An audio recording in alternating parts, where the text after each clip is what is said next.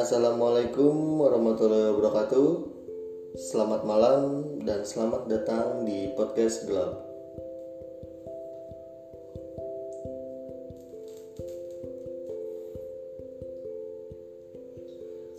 Di episode 4 ini Gue mau sharing pengalaman pribadi gue ya nanti. Oh iya Gue mau berterima kasih buat kalian yang udah dengerin podcast gue buat kawan-kawan semua terima kasih banget yang udah bantu support gue buat lanjut di podcast ini. Tapi sorry gue bisa uploadnya itu seminggu sekali tapi langsung dua episode kok gue upload. Karena kesibukan gue jadi gue nggak bisa upload banyak-banyak. Udah seminggu cukup dua cerita aja atau dua episode aja Nah, di episode kali ini yang keempat, gue sharing pengalaman pribadi gue ya. Mungkin buat kalian yang mau sharing juga, kalian bisa langsung aja DM IG gue, ada di bio, atau di Twitter. Kalian bisa langsung DM aja, oke? Langsung aja di cerita pertama. Jadi ini pengalaman pribadi gue langsung yang gue alamin waktu itu kejadiannya di tahun 2018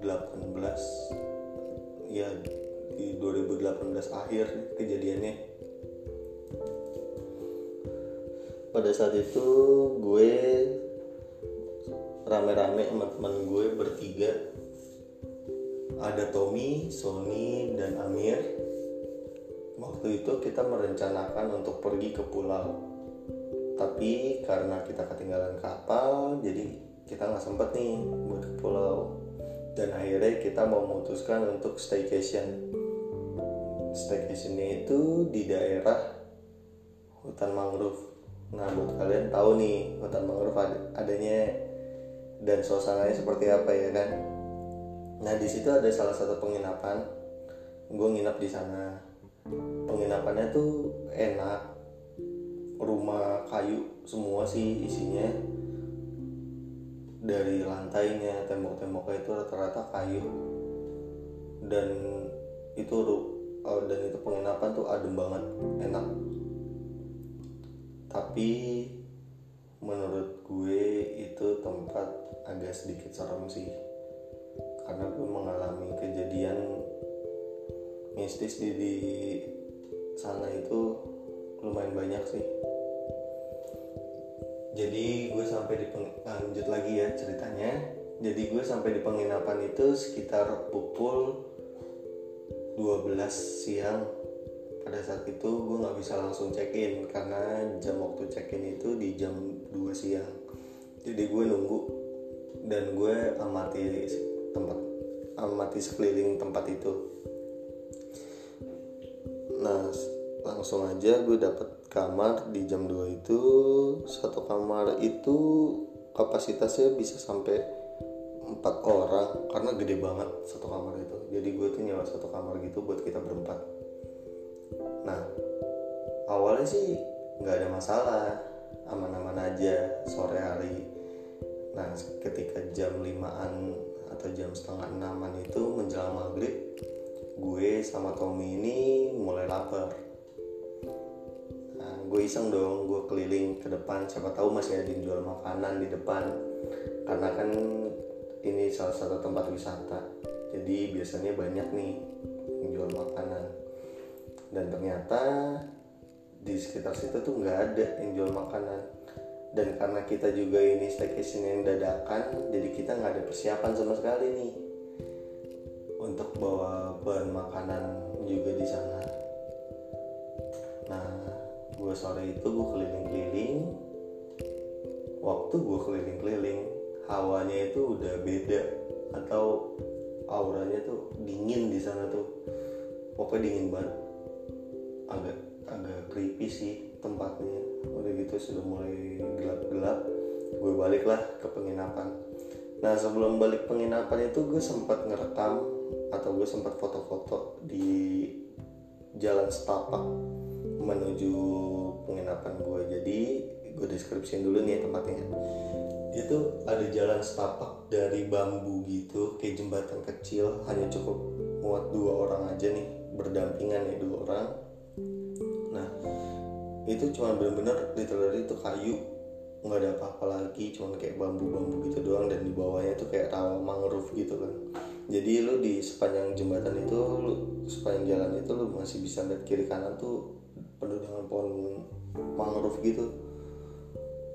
Nah, waktu pada saat gue lagi ngerekam, ngerekam dan gue lagi foto-foto itu, gue tuh dengar ada kayak benda jatuh, benda besar jatuh dalam air. Karena kan itu ada rawa ya, benda besar itu jatuh biar gitu. Gue dengar, tapi gue cari nih, gue berdua sama Tommy, gue cari. Dan itu nggak ada, nggak ada sama sekali bekas kayak kan kalau kita jatuhin sesuatu ke air tuh pasti ada getaran di air tarik gelombang itu nggak ada sama sekali. Nah di situ gue masih mikir mungkin gue halu atau gimana? Ya udahlah gue lanjut lagi. Gue masuk ke penginapan. Nah sampai di penginapan itu gue sama Amir, Sony dan Tommy itu kita ngobrol-ngobrol biasa lah. Kayak ya namanya juga lagi staycation ya kan anak-anak muda laki semua nih.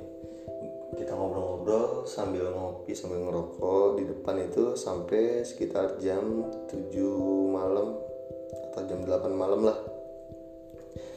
Karena kita udah kelaparan pada saat itu akhirnya kita pesen lah tuh makanan via online.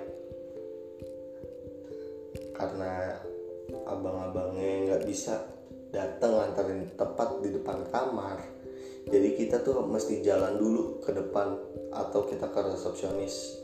Penginapan itu dan jaraknya tuh lumayan jauh. Dan kondisi tuh gelap. Jalannya tuh lampunya tuh cuma ada satu atau dua lampu doang gitu. Di jembatan yang setapak itu tadi gue bilang. Itu gelap banget. Kita pakai senter aja pakai senter dari HP dan di situ suasana tuh udah mulai beda begitu kita keluar dari penginapan. Kalau dari kamar itu suasana udah beda dan kita jalan pelan-pelan ke depan. Nah kita tuh masih nunggu lagi di depan di resepsionis sampai kurang lebih satu jam jam 9 itu makanannya datang nah kita berniat buat balik lagi nih ke penginapan kamar. Nah jam 9 itu emang dari sore sih emang udah mendung. Nah begitu pas jam 9 kita mau balik itu ternyata hujan datang. Ditambah nah kalian bisa bayangin tuh lo di tengah-tengah hutan mangrove hujan gelap. Wah gak kebayang sih itu kayak gimana creepy kita maksain buat jalan balik. Kita hujan-hujanan menuju kamar ya kita mikirkan kita laki nih berempat. Nggak ada takut takutnya awalnya sih gitu. Nah singkat cerita selesai kita makan terus kita ngobrol-ngobrol kayak bercanda lah kita main kartu segala macam. Itu kita sambil ketawa-tawa sampai jam sekitar jam 12an itu kita masih ketawa tuh. Kita masih berisik. Gua rasa kamar kita doang yang berisik. Karena di sebelah sebelah itu nggak ada orangnya jadi di penginapan pada saat itu cuman yang ngisi kita ada tiga orang atau tiga kelompok. Satu kelompok gua yang dua kelompok lain itu beda kamar dari kita atau beda rumahnya. Jadi kamar ini satu rumah tapi ada beberapa kamar. Nah yang di satu rumah itu satu kamar isinya gue doang. Nggak ada lagi kita paling berisik di situ kita tawa-tawa tawa-tawa sampai pada akhirnya gue kayak ada gue ngerasa tuh kayak ada orang di depan yang merhatiin gue. Awalnya gue ngambil pusing gue diem aja. Tapi lama-lama kok ini orang lama nih merhatiin gue nih. Merhatiin kita lebih tepatnya. Kok lama? Akhirnya gue bilang lah sama teman-teman gue coba diem dulu. Jangan berisik jangan ketawa. Oke lah kita diam sejenak hawa itu kayak udah menghilang nih. Udahlah mungkin cuma sugesti gue doang atau halu gue aja lah kayak yang ngawasin. Balik lagi kita bercanda-canda kita ketawa-tawa lagi sampai pada akhirnya kita kamar kita tuh kayak ditimpuk batu awalnya. Di jendela tuh cetok awal sekali dua kali tiga kali sampai tiga kalinya gue penasaran. Dan di sini dia yang paling salam buat gue pada saat gue buka jendela itu bener-bener yang nggak bisa gue lupain. Gue ngeliat sesosok wanita tingginya kurang lebih 2 meteran dengan mata merah. Dia sambil ngeliat ke arah gue dengan baju yang panjang putih. Aduh merinding gue kalau ngeliatin itu. Kalau gue ngeliat aduh. Itu dia ngeliat ke arah gue sambil senyum. Gimana sih senyum senyum-senyum gimana gitu serem deh senyumnya. Kalian bisa bayangin sendiri. Itu gue ngeliat langsung seketika gue langsung gue tutup lagi jendelanya gue ordengnya gue tutup jendela gue tutup gue langsung diem. Di situ teman-teman gue nanyain kok lu tiba-tiba diem? Ada apa? Ada apa? Ada apa? Udah lu pada tidur deh gue bilang gitu kan. Kita udah nggak boleh berisik udah waktunya kita tidur udah diem aja tidur. Gue takut di situ dan pada saat itu kita juga langsung ya udahlah oke kita matiin lampu kita tidur. Nah jadi tidur itu gue bareng sama Tommy satu kasur si Amir sama Sony itu satu kasur. Jadi satu kasur itu isi dua. Nah gue tidur sama Tommy sekitar jam berapa ya Tommy itu terkebangun dan itu ya kalau gue sih ngeliatnya dia kebangun. Karena gue langsung sadarin dia dia kayak di raport gitu. Nah begitu pas dia melek dia ceritalah sama gue tadi gue ngeliat ada bayangan hitam di balik lemari itu berdiri lagi natap kita. Dan gue tuh mau bangunin lu nggak bisa nggak bisa kata Tommy. Pantesan gue ngeliat tuh kayak melek bangun gitu. Tapi gue panggil lu nggak sadar gue bilang cuma dirapor doang kali. Gue bilang gitu aja. Untuk menenangin Tommy gue bilang kayak gitu. Dan akhirnya ya dia bisa tenang lah. Nggak lama memang pintu kamar mandi itu nggak bisa ditutup. Rapet jadi ada celah sedikit lah dari dalam kamar mandi. Lampunya nggak gue matiin sengaja gue hidupin. Dari kamar mandi itu gue ngeliat ada sekelebat bayangan hitam lewat. Di situ aduh gue langsung merinding gue gak karuan gue panas dingin gue setelah ngeliat itu gue minta Tommy untuk nyalain lampu semuanya. Gue gak kuat gue bilang tadinya kita memutuskan untuk balik tapi nggak jadi kita nunggu pagi aja. Kita usahain kita sebisa mungkin kita sambil baca-baca lah pada saat itu. Sampai akhirnya pagi pun tiba dan dan udah hilanglah gangguan-gangguan itu. Serem sih gue ngalamin kejadian kayak gitu. Karena di tengah-tengah hutan mangrove ada satu penginapan. Penginapannya kayak kesannya tuh tua isinya kayu semua lah. Itu dapat banget villa villa itu dapat banget di situ menurut gue mah serem dah pokoknya kalian harus coba nginep di sana. Buat kalian kalian yang penasaran nih ceritanya atau tempatnya kayak gimana? Boleh langsung tuh datang tuh ke daerah mangrove cari penginapannya. Kayaknya cuma satu-satunya di penginapannya di situ. Penginapan pintu merah. Nah lu datang deh tuh. Di situ lu nginep. Lu coba rasain gimana aura-auranya di sana. Serem banget. Gue jamin. Itu salah satu pengalaman buat gue. Mungkin ada lagi sih satu lagi yang bakal ceritain. Ini sih gue cerit gue dengar cerita ini dari teman gue teman gue tuh cerita sama gue cuman dia nggak mau disebutin namanya. Awalnya gini jadi teman gue cerita tuh di rumahnya itu hawanya kayak panas awalnya dia nggak betah karena dia baru beberapa bulan pindah itu udah nggak betah suatu saat dia lagi tidur malam-malam di kamarnya di kamar itu di kebetulan dia tidur kamar itu di lantai dua. Jadi rumah dia tuh tingkat di lantai dua. Tapi posisinya di lantai dua itu lembab banget. Apa ya kayak kalau kita ngerasa tuh kayak lembab banget gitu deh. Karena gue juga pernah ke sana gitu. Nah teman gue ini tidur. Pada saat dia tidur dia kebangun malam balik jendelanya dia itu ada sosok yang berdiri tapi nggak jelas sosoknya apa kayak ada ada aja gitu yang berdiri dia ngeliatnya. Nah saat itu teman gue langsung diem dia coba tidur tapi nggak bisa. Dia coba teriak tapi nggak bisa. Lalu dia seketika hilang bayangannya. Sosok itu hilang dari situ dia langsung turun ke bawah nyamperin ke tempat adiknya yang di bawah. Dia pindah.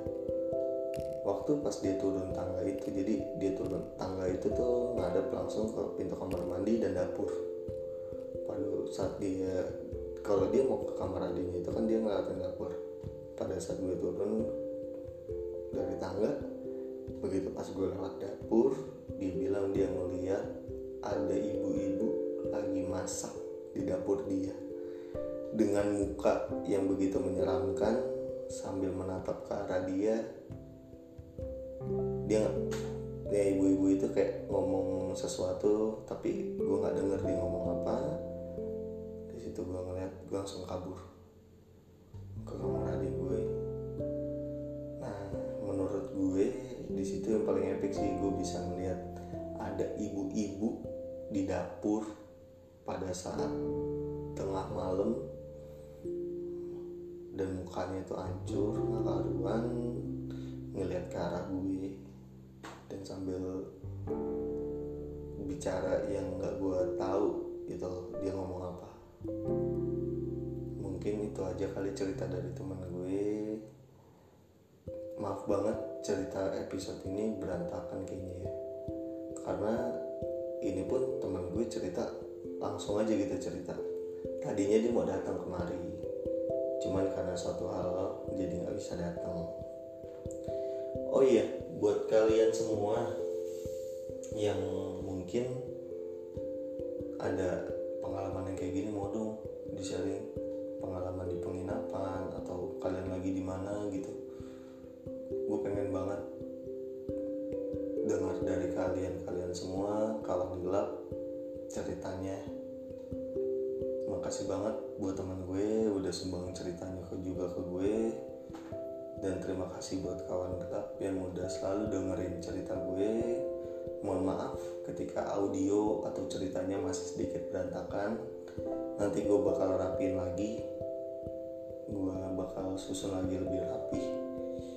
Karena ini dadakan juga sih temen gue tadi cerita oke cukup sekian untuk episode 4 kali ini. Semoga menambah serem lah buat kalian semuanya. Oke gue Putra gue mundur pamit. Selamat malam